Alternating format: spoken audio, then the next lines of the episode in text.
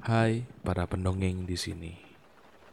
Hari ini kita akan mendengarkan sebuah cerita dari kota Bandung.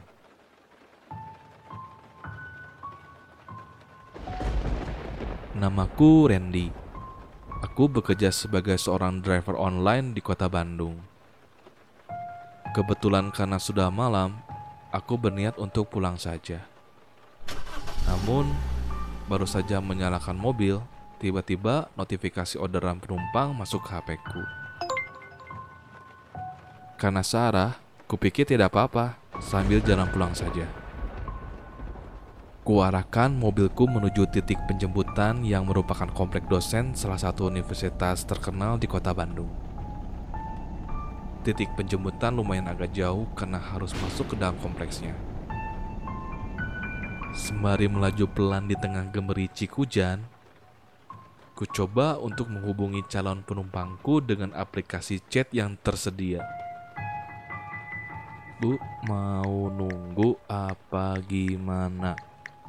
Posisi saya di dago bawah. Kurang lebih 10 menitan. Begitu kataku dalam aplikasi chatnya. Tak butuh waktu lama, calon penumpangku menjawab singkat. Saya tunggu.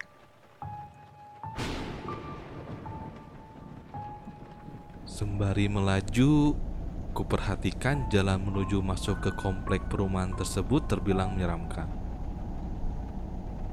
Melewati rimbunnya pepohonan bambu dan jurang dangkal di sebelahnya.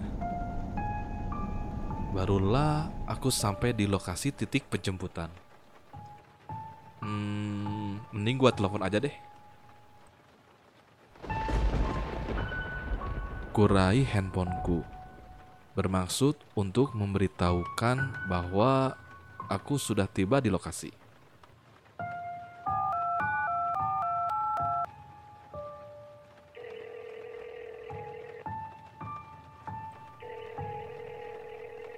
Halo, Ya mas, selamat malam Bu.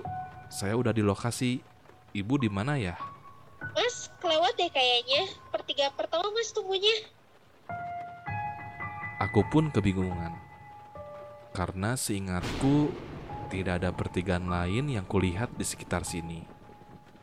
Suasana malam ini lumayan membuat bulu kuduku berdiri. Hujan gerimis, turun kabut, dan tak ada seorang pun atau kendaraan yang lewat. Telepon masih tersambung dengan calon penumpangku. Kuputar balik mobilku hingga sampailah aku di sebuah jembatan yang tadi sempat kulewati. Ternyata betul, ada pertigaan setelah jembatan. Di ujung jalan pertigaan tersebut, kulihat ada bangunan gedung tua kosong yang gelap dan menyeramkan. Dengan pagar besi tinggi yang sudah rusak. Iya mas majuin lagi. Saya udah lihat lampu mobilnya.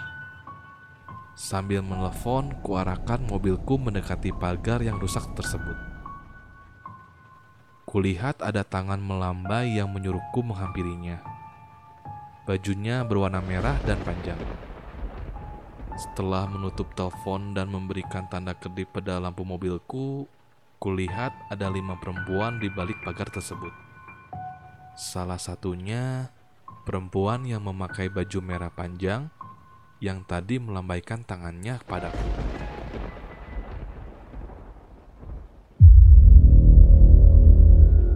Sebelum pintu pagar terbuka, tiba-tiba saja perempuan yang berbaju merah tersebut terbang menembus keempat perempuan lainnya dan melayang ke arah pohon bambu seberang gedung tua tersebut.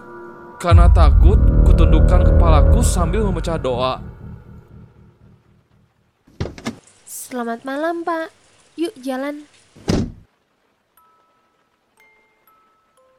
Ku coba hitung berapa orang yang masuk karena tadi kulihat ada lima perempuan sebelum masuk mobil.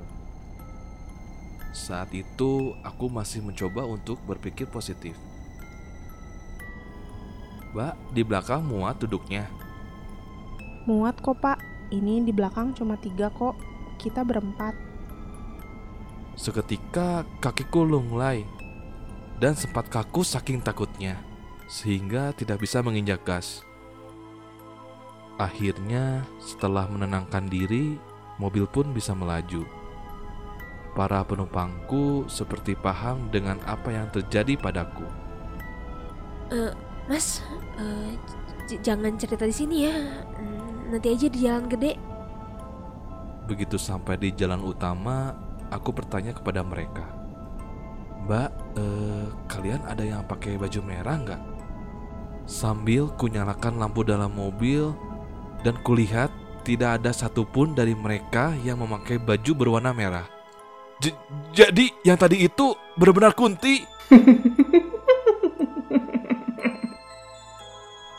Langsung saja kuceritakan apa yang sudah kulihat pada saat tadi menjemput mereka. Selama dalam perjalanan, kami semua merinding tak habis-habis. Lalu mereka pun bercerita bahwa sebelum orderanku ambil, mereka sudah empat kali di cancel oleh driver lainnya. Orderan sebelumnya tidak ada yang mau ambil karena ketika mereka mengirim foto lewat chat, ada sosok tangan yang entah tangan siapa muncul pada foto yang penumpang kirim.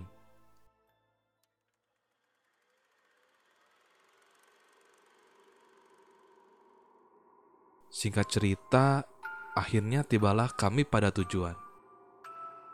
Mereka pun mengucapkan banyak terima kasih karena akhirnya mereka bisa pulang. Selama perjalanan menuju rumah, aku masih terbayang sosok berbaju merah tadi. Begitu sampai rumah, ku langsung menemui anakku. Papi pulang.